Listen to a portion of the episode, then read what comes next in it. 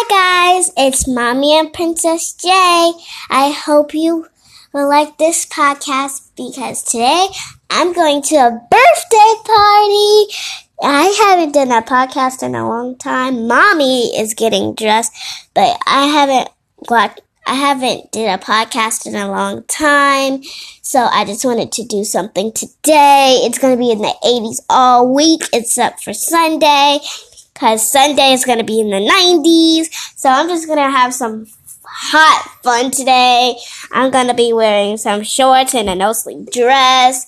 I'm going to kick it off with some stylish nails and I'm going to cut my short sleeve shirts for a no sleeve shirt because I don't have that much no sleeve shirts, but we are gonna kick it off today. We are gonna kick our feet up, and relax, and I'm gonna have some gelato. Mm, mm, mm, so this is gonna be a really fun Saturday.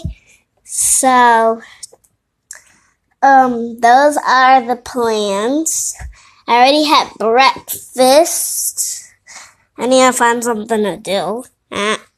So I'm just doing this. I hope you like this podcast. Bye.